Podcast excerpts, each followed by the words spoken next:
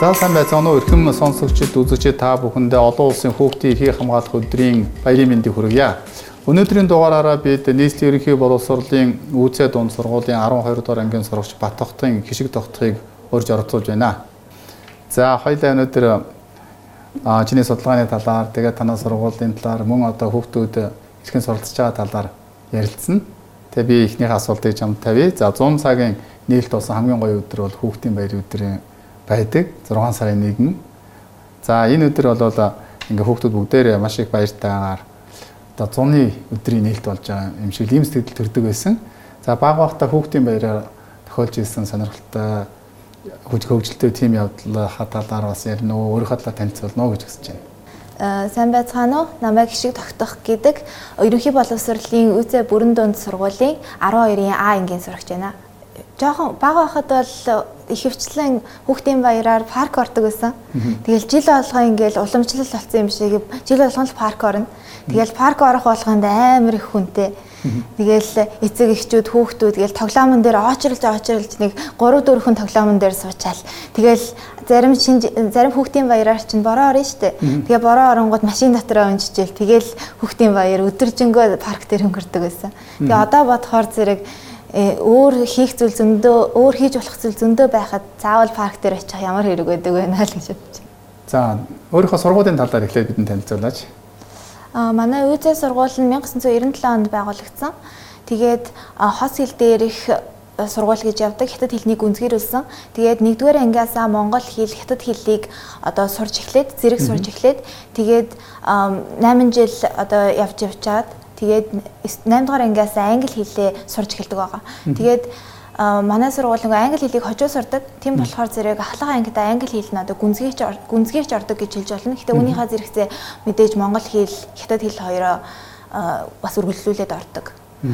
Тэгээ манай сургууль чинь 1000 гаруй хүүхэдтэй. Тэгээ хоёр байртай байхгүй юу? Нөгөө багын байр, тэгээд дунд ахлахын байр гээд. Тэгээ сүүлд шинэ байр нэмэгдсэн. Сургуулиуд дуртай юу? Дуртай. За чиний хамгийн сонирхолтой суралцахыг хүсдэг. За тэр талаар бол илүү их мэддэг хүсдэг. Тэм одоо хичээл сүүлийн тухааны салбар юу вэ? А миний хувьд математикт илүү сонирхолтой. Тэгээд одоо бол одоо ээжт бэлтгэхдээ бол физикээс төлхөө сурж байгаа.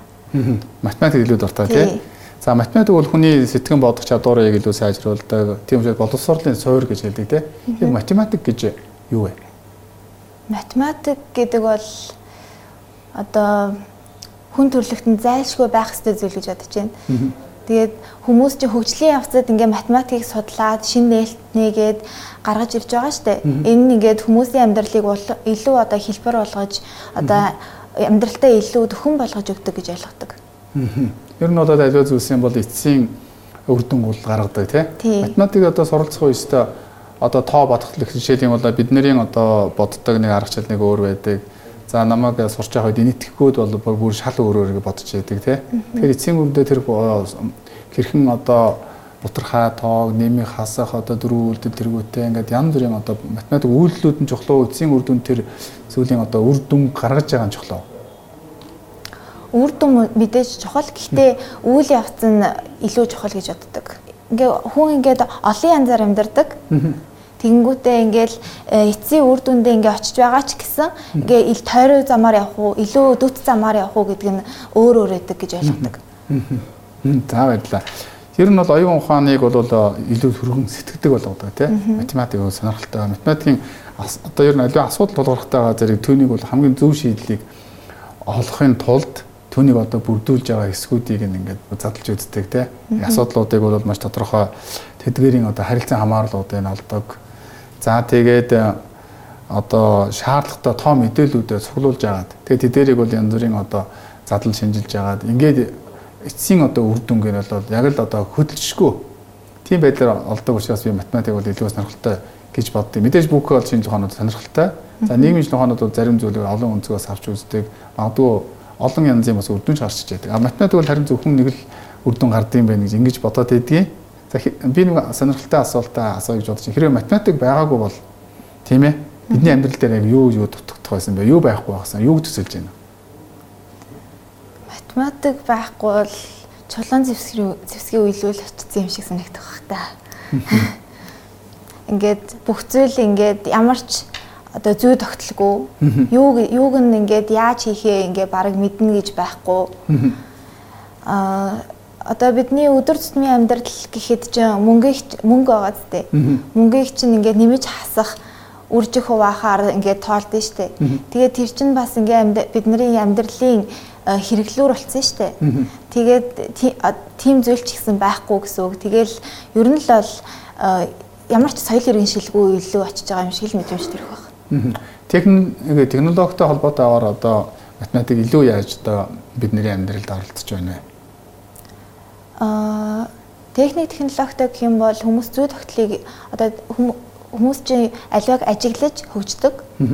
Тэгээд техник технологи ч гэсэн одоо энэ нь ингээд хийчихвэл арай зөв болох юм уу? Ингүүл арай буруу болох юм болов уу гэдэг ингээд зүй тогтлороо хүн логикороо боддөө штэ сэтгэдэг. Тэгээд ер нь Э, математик байхгүй бол технологи ч гэсэн байхгүй болох. Ойлголоо. За ирээдүйд ер математикийн ач холбогдол бол хэр байна гэж чи төсөөлж байна вэ? Улмаа одоо илүү байх уу? Магадгүй зарим одоо ажил мэргэжлүүдийн тэр бол ингээд э, техник үүсгээд хасагдаад эхэлдэг штэ тий. Тэгтээгээ зэрэг математик ирээдүйд ер нь илүү төлөхөө бид нэрийг хэрэглээ болох уу? Эсвэл бид нар зөвөр одоо тооны машинаар боддогтой адилхан илүү одоо тийм тооцоолол тий магадгүй зүгээр одоо утсан дээр шууд хэлэхтэйгээ зэрэгэл одоо ч гэсэн зарим нүдэ хариу хэлдэг штэ тий тэр шиг илүү нарийн одоо дээд тонуудыг ч гэсэн хэллээд ингээд бид илүү амар хэрэглэгдэх болов эсвэл харин математикийг одоо бид илүү нарийн суралцах шаардлагатай болох юм болов ирээдүйд одоо математикийн одоо оролцоог юу гэж харж байна? Вэ математик бол хөгжөөд явна. Хамгийн наад захын жишээ нь гэхэд хэмжигдэхүүн байгаа зү. Алтаар ингээд одоо 1 кг-ыг хэмждэг. Гэтэ тэр нь цаг хугацааны явцад ингээд одоо химжигдэхүүн нараа өөрчлөгдөд 900 900 хэдэн грамм ч юм уу тиймэрхүү болоод ирэнгүүт яг тэр тогтсон ойлголт биш юм байна гэд одоо өөрийг бас судалж байгаа шүү дээ эрдэмтэд. Аа тийм тийм жишээний одоо ирээдүйд математик бол технологи бидний амьдралд нийгэмгээ бүх зүйл оролцсон гэж боддог. Одоо жишээлбэл робот байгаа зү. Робот бол бараг бид нартай зэрэгцээ л амьдрах байх. Тэгэд роботууд амьдрал ихтэйгээ зэрэг тэд нэр одоо бидний өмнөөс ингээд тоо бодоод одоо янз бүрийн одоо тооцоолоор хийх юмнуудыг маань одоо роботууд хийгээд эхлэх юм болов бас аюултай тий. Тэр бүх юмнуудыг бол хүмүүс өөрсдөө контролж чадахгүй тэгээд роботууд бүх юмыг хийнэ гэдэг бол бас нэг талаар бид нар өөрсдийнхөө амьдралынхаа одоо маш шийдэлтэй зүйлүүдийг бол алдаж гин гэсэн үг тий. Ер нь математикаа алдчихвал бас тэгэл роботууд алдчих юм бол аюултай шүү дээ тий. Тий. За Альберт Эйнштейн нэг шашны талаар нэг үг хэлсэн байдаг л да. Энд чи би уншия. Тэгэхээр ирээдүйн шашин болыг бурхныг өмчлөгч хувь үздээс халиад аливаа ягшмал номлол хөвшлийн үздээс ингээд давж гарна гэж. Тэ тэгээ байгаль хийгээд оюун санааны талыг бүрэн хамарч байгалийн болон сүнсний одоо бүх ертөнцийн ойлгогдож байна уу? Торгон нэгдлээс л урган гарах шашинлаг мэдрэмж сулгуурал болно гэсэн. За нэгсэндээ ер нь бол ирээдүйд бол шашин гэдэг нь оюун санааны л одоо зүйл байх хэрэгтэй болно тий. Тэгээ түүнтэй бол нийцэх шашин бол буддизм байх болно. Буддизм энэ тодорхойлолтод илүү тохирно гэсэн нэг юм байдгийн. Тэр ер нь буддизмын талаар яг юу гэж боддог вэ? Аа буддизм гэхээр одоо альва зүйл биетэй тэнгүүтээ бас цаагаараа ингээд оюун санааны зүйлтэй. Гэтэ одоо бүх зүйл сүнстэй гэж итгэхэд бас хэцүү. Байгальд байгаа бүх зүйл сүнстэй гэж итгэхэд хэцүү байдаг. Тийм болохоор аа хүний оюун санаа хүнийг ингээ хөтэлдэг гэж боддог учраас ер нь бол буддизм бидний өдөр тутмын амьдрал байгаа. За хоёлаа а монгол хэлний талаар ярилцъя. Математик болоо шашны талаар асуудлыг хоёлаа ингээд төр архиа гэж бодож байна. За танай сургууль бол олон хэлний сургуулийнхаа хүрээнд монгол хэл, тэгээд англи хэл, хятад хэлний дээр зэрэгцүүлээд үздэг тий. Эдгээр хэлнүүдийн зарим хэсгүүд нь ижил тэгээд хэлүүд ер нь тий хоорондоо төстэй ялгаатай талууд ч гэсэн зөндөл байдаг байх. Ер нь монгол хэлний их хэлийнхаа талаар чиний бодол юу вэ?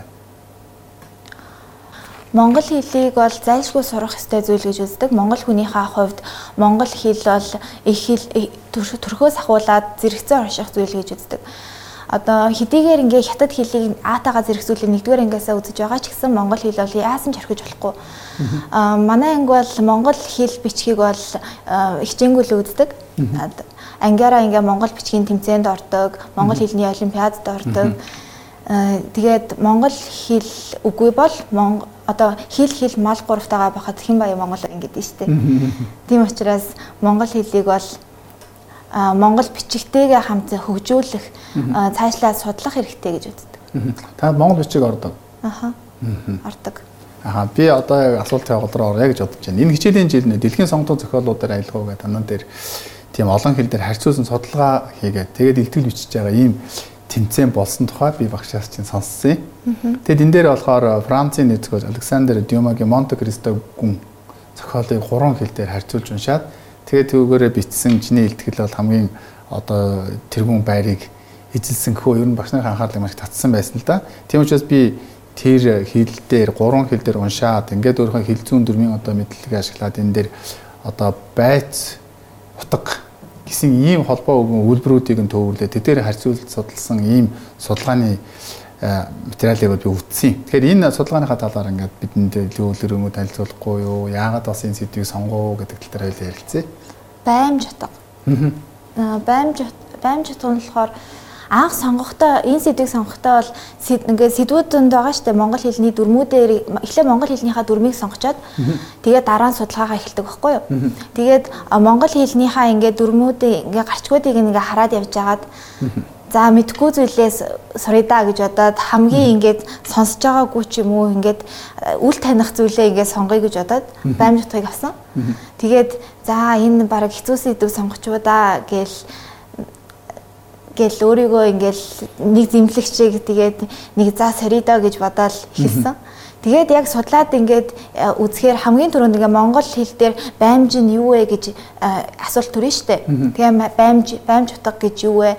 Баймж бидний амьдралд хэрхэн илэрч байгаа вэ гэсэн талаар судалгаа учраас тэгээд хайгаад үзэнгүүт баймж баймж утга нь болохоор зэрэг бидний өдөр тутмын амьдралд хэрэглэгддэг зүйл байж таарсан. Одоо жишээлбэл чи ингэх ёстой шүү дээ гэдгийн шүүдээ нь баймж.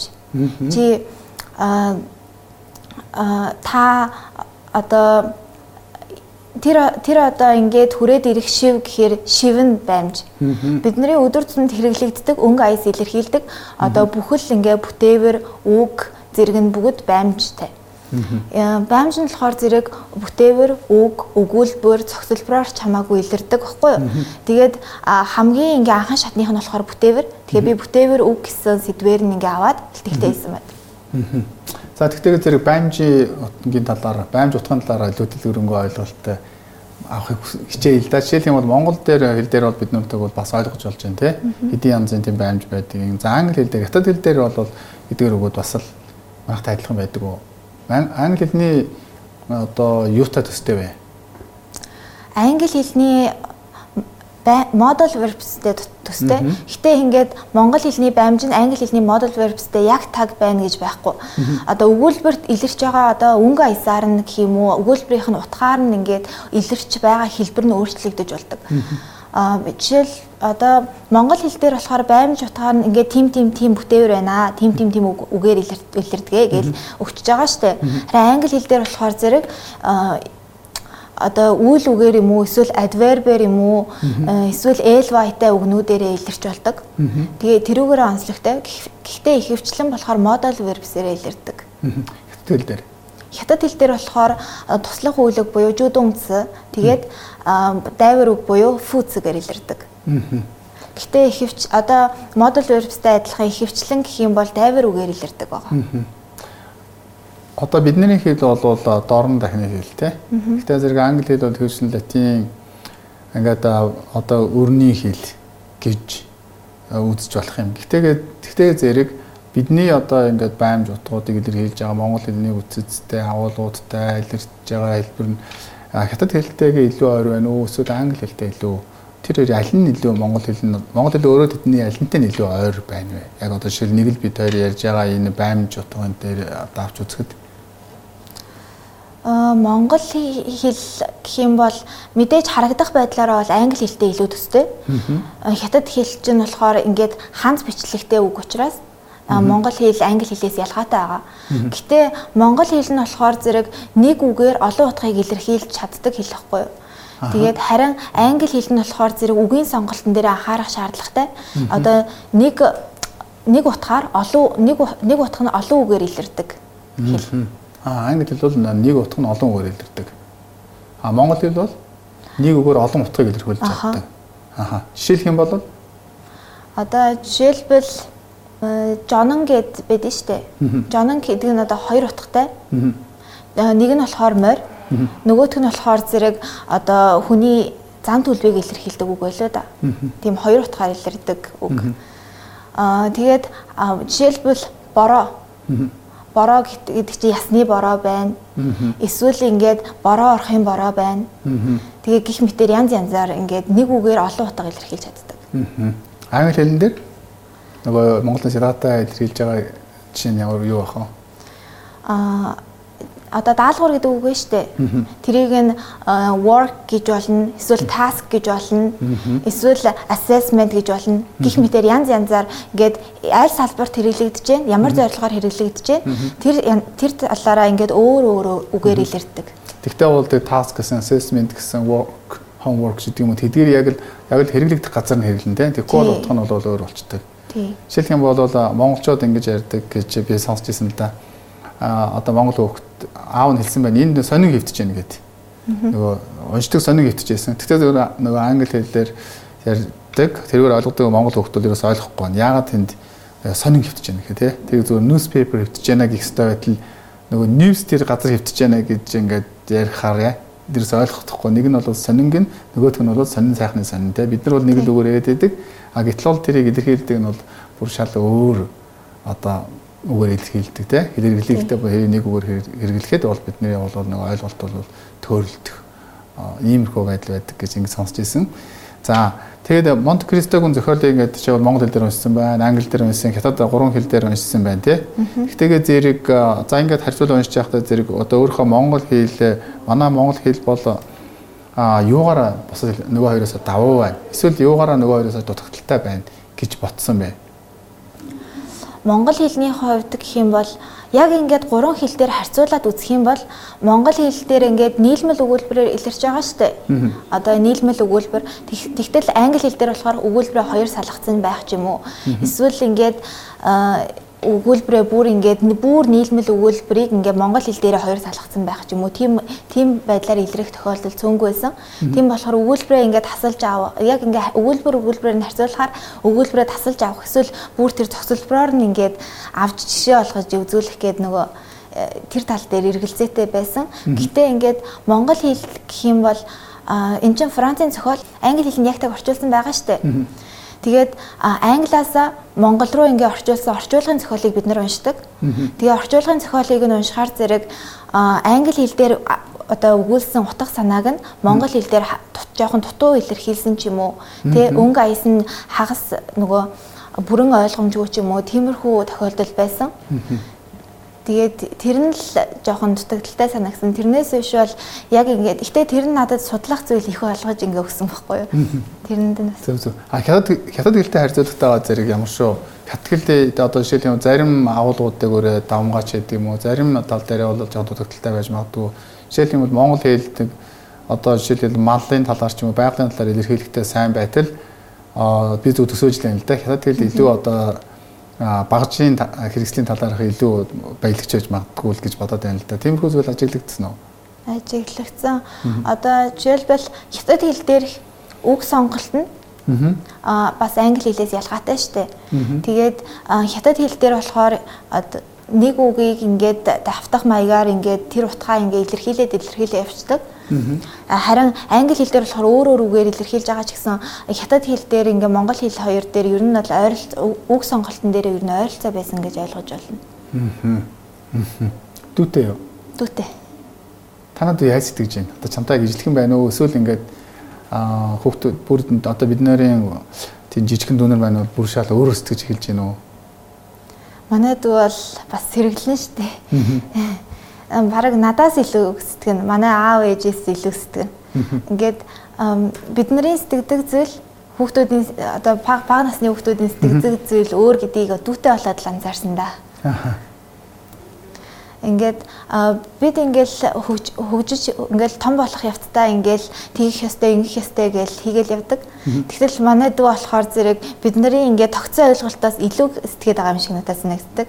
Яагаад тэгэж болоогүй юм бэ гэж гих мэтээр асуухаар зэрэг нэрээ тийм шүү гэх бодол төрдөг. Аа. Өөрөө хичээл тэгээ сургуультай холбогдлолтой тийм сонирхолтой тохиолдлыг ярьж болох уу? Эсвэл дүүдүүдтэй холбогдлолтой ч юм уу? Би ингээд айлын ганц 12 жил явсан. Тэгээд яг дүү бид хоёр яг 12 насны зэрэгтэй байхгүй юу? Тэгээд яг нэг жилтэй. Тэгээд 12 жил ингээ ганцаараа байхаар зэрэг гинт ингээ дүүтэй олчингууд их хүндээс нэгсдэм билээ. Ингээд ээж аа хоёрын бүх анхаарал дүүд очсон юм шиг санагдал. Тэгэнгүүтээ ингээ дүүрүүгээ нэг гарт барьж болох юм болоо гэсэн мэд ингээ дүүгээ харахаар зэрэг гарт хэлж болох юм болоо гэмээр жижигхэн хүн хүн байгаа байхгүй юу тэгсэн мөртлөө бас хүн гэхэд хэцүү юм шиг. Тэгээд нэг ув улаан юм ойртоход хэцүү. Ойртож чаддаггүй байсан. Ах дүүтэй болоод. Тэгээд тэр мэдрэмжтэй мартагдчихгүй байсан. Тэгэл дүү ингээл өсөөд явахын хэрээр ингээд яг их ч хүн болд юм бэлээ тэгээд анх ингээд ингээд ээжээс ингээ бүр хэдэн жилийн өмнө ээжээс ингээ би дүүтэй олё гэхээр зэрэг ээж ингээ энийгэл өнгөрдөг байсан. Тэгэл аа тэгэл яг дүүтэй олонгууд ингээ амар хэцүү санагдаал. Ингээ бүх зүйл харанхуй болсон юм шиг санагдаад. Яагаад ч юм бэ? Ингээ баярлах баярлж байгаа ч юм шиг үгүй ч юм шиг мэдрэмж төрөөд. Тэгээд яг тэр ингээд үе болохоор амар ингээ хэцүү байд юм бэлээ. Ингээ шинэ орчинд ирсэн юм шиг. Тэгээд тэрийгээ даван туулаад ирэхээр зэрэг ингээд манай дүү амар хөөхөн санагдаал а манай гэр ингээл дуу хөгжөөнтэй болцсон юм шиг мэдрэгдэв. Аха. Хэрвээ одоо дэлхийд дээр байгаа бүх хүмүүс дагаж мөрдөх нэг тийм дүрмийг чамааг хийя хийх ирэх болох юм бол чи яг ямар дүрм хийх вэ? Мм бүх хүмүүс дагаж мөрдөх дүрм. Тий, нэг дүрмийг чамааг одоо шамт хийх тийм айгүй а чухал тий бас азтай гэж хийж болохоор тийм нэг ирэх олголоо гэж бодвол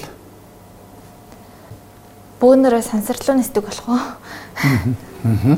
За. Сансарлуу ингээд оршин оршин сууж болдог болох болчихвол гоё санагдчих. Хүн одоо ямар ч байсан заавал одоо сансарт нэг одоо очих хэвээр ч юм уу тий? Тий. Тий, оршин суух хэрэгтэй.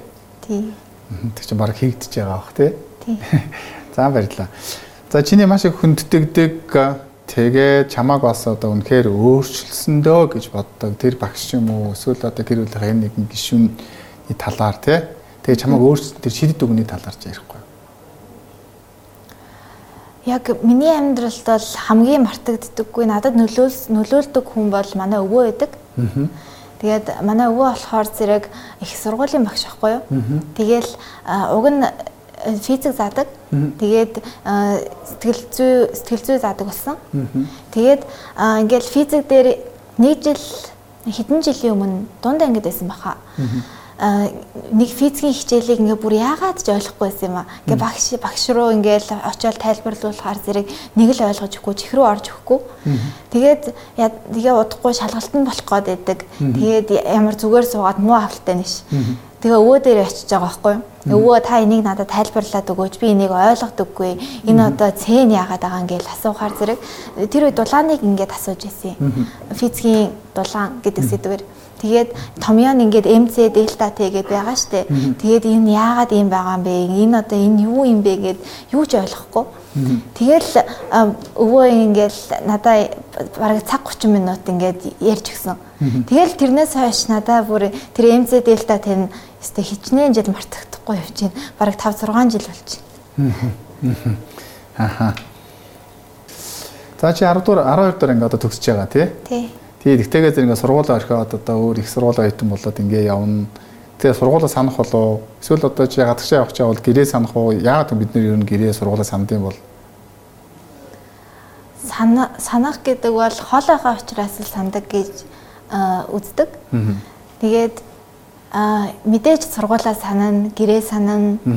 Бүхэл бүтэ сургуульд бол бүхэл бүтэ 12 жил ингээд байгаа сураад ирсэн. Гэхдээ санаа санахтаа би ингээд манай сургууль хоёр байртай гэж хэлсэн шүү дээ.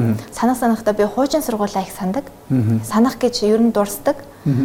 тэр сургуулийн коридороор ингээл тим коридор тим болж исэн шүү. Зааланд нь тэгжсэн шүү. Манай ангийнхаа ингэж хөжилжсэн шүү гэх мэт ингээд одоо болтол ингээд манайх чинь ахлахын байранд байгаа. Тийм учраас багийнхаа одоо бүхэл бүтэн 10 жил сурцсан тэр баг сургуулийн байраа их сандаг. Аа шин сургуульд орсон ч гэсэн баг сургуулаа бараг санаад эхэлсэн байгаа юм байна тий. Тий. Тэгээд үе үе ингээд дунд ахлахын байранд байгаа учраас ингээ багын байр руугаа баг орно гэж байхгүй. Тэгээ үе үе ингээд орхоор зэрэг их сонирхолтой санагдаад байт. За ирээдүйд чи яг ямар мэрэгжилтэй болъё гэж бодож байна? Тэг яг юу хийж бүтээн гэж бодож байна вэ? Аа миний сонгосон мэрэгжил гэх юм бол би физикээр дагнана гэж бодож байгаа. Гэхдээ яг мэрэгжил гэх юм бол одоо мэдээллийн менежмент эсвэл компьютер технологиор явна гэж боддог. Тэдгээр мэрэгжлүүд маань ирээдүйд яг маш гоё ч юм уу илүү хүмүүст хэрэгтэй ямар зүйлийг бүтээн гэж чи тэгэж бодоод технологи мэдээллийн технологид салбарыг ажиллана гэж бодсон юм. Мэдээллийн технологи одоо энэ энэ болохоор технологи технологи гэж байгаа шүү дээ. Гэ хүнд ингээд математик сэтгэлгээ их шаардна. Тэнгүүтээ аливаа ямиг хөгжүүлнэ, шинэ ямиг сурна. Одоо ингээд бүх зүйл технологичоод а ингээд бүх зүйл ингээ хөгжөөд одоо компьютергүй уцгүй зүйл гэж байхгүй болсон. Бараг хиймэл оюун ухаанд хүртэл бараг биднээс илүү тоо бодно юм хийн. Тийм болохоор зэрэг мэдээллийн технологиор явах юм бол одоо илүү ингээд оновчтой оновчтой мэдээллийг илүү үнэн зөвөөр олж чадна гэж бодож байгаа. Тэгээд ер нь бол ирээдүйд мэдээллийн технологи одоо ч гэсэн ер нь их сургуульд мэдээллийн технологи их алдартай байгаа л гэж За баярлалаа. Ингээд хоёлаа өнөөдрийнхөө ярилцлагыг өндөрлөе.